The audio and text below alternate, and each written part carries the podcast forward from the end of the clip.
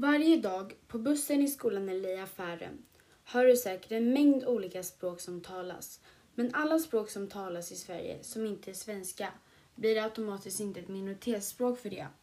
För att ett språk ska bli erkänt av staten som ett minoritetsspråk måste det klara av tre kriterier.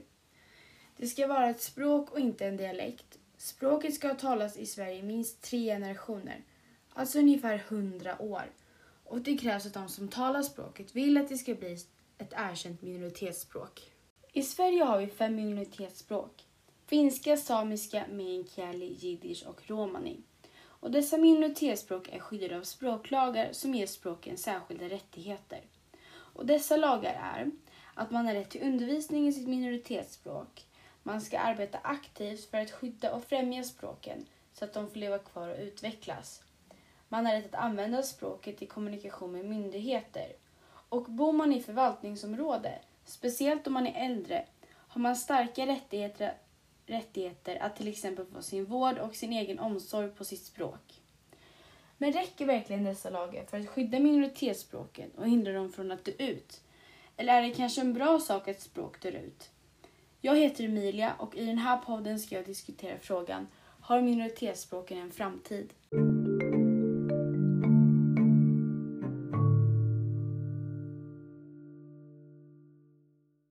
Så varför ska man egentligen bevara minoritetsspråken? I artikeln Ska vi bry oss om språkdöden skriven av Ingela Hofsten från 2011 skriver hon att ett väldigt starkt argument för att bevara minoritetsspråk är att språket just är starkt sammankopplat med kultur och identitet. Särskilt för grupper som levt under förtryck.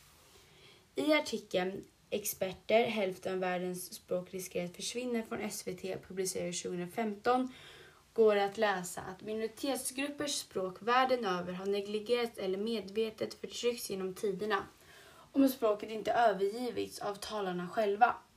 Därför är bevarandet av minoritetsspråk en väldigt viktig del av att hindra förtryck och rasism.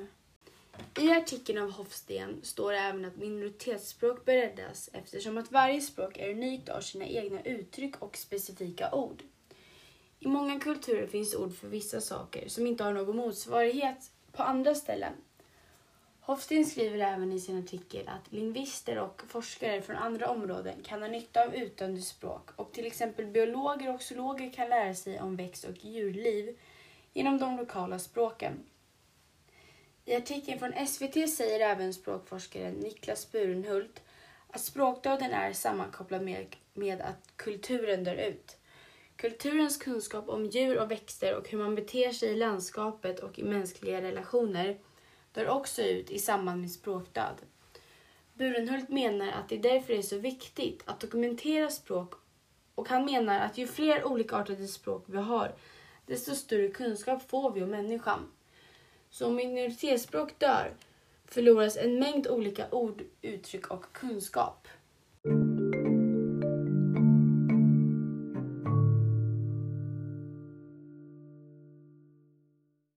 Trots fördelar med bevarande av språken och skyddande lagar sker fortfarande en språkdöd.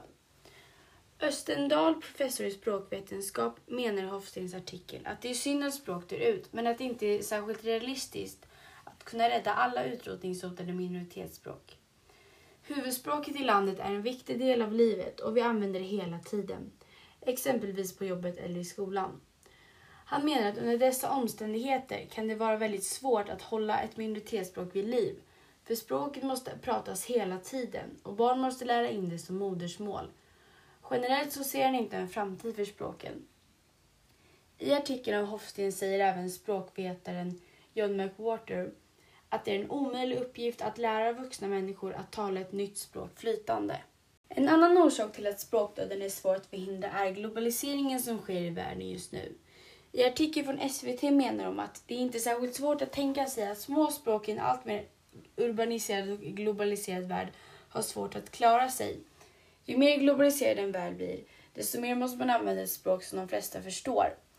Vilket gör att de språk som är i minoritet används ännu mindre.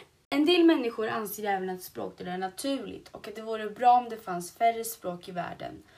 Och om alla till och med kanske skulle prata samma språk. I artikeln av Hofsten säger socialpsykologen Roy F. Baumeister att det kanske vore ganska bra om alla i världen pratade samma språk eftersom att syftet med språk är kommunikation. Och språkvetaren John McWhorter säger att språkdöd är hälsosamt för mångfalden och menar att om människor ska kunna tala med varandra på riktigt så pratar de ju ett språk som många förstår och talar. Man kan alltså se språkdöden som en bra sak eftersom att det leder kommunikationen framåt och gör att allt fler människor kan förstå varandra bättre.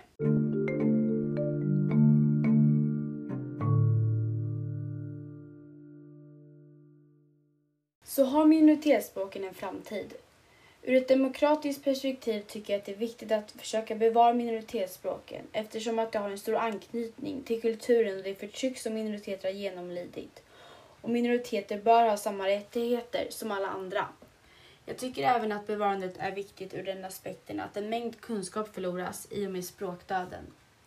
Men om man tittar på de praktiska aspekterna så tror jag att det kan bli svårt att lyckas bevara alla minoritetsspråk. Globaliseringen är ett stort problem för minoritetsspråken och jag tror att det är svårt att hålla språken vid liv eftersom att de måste talas kontinuerligt, varenda dag.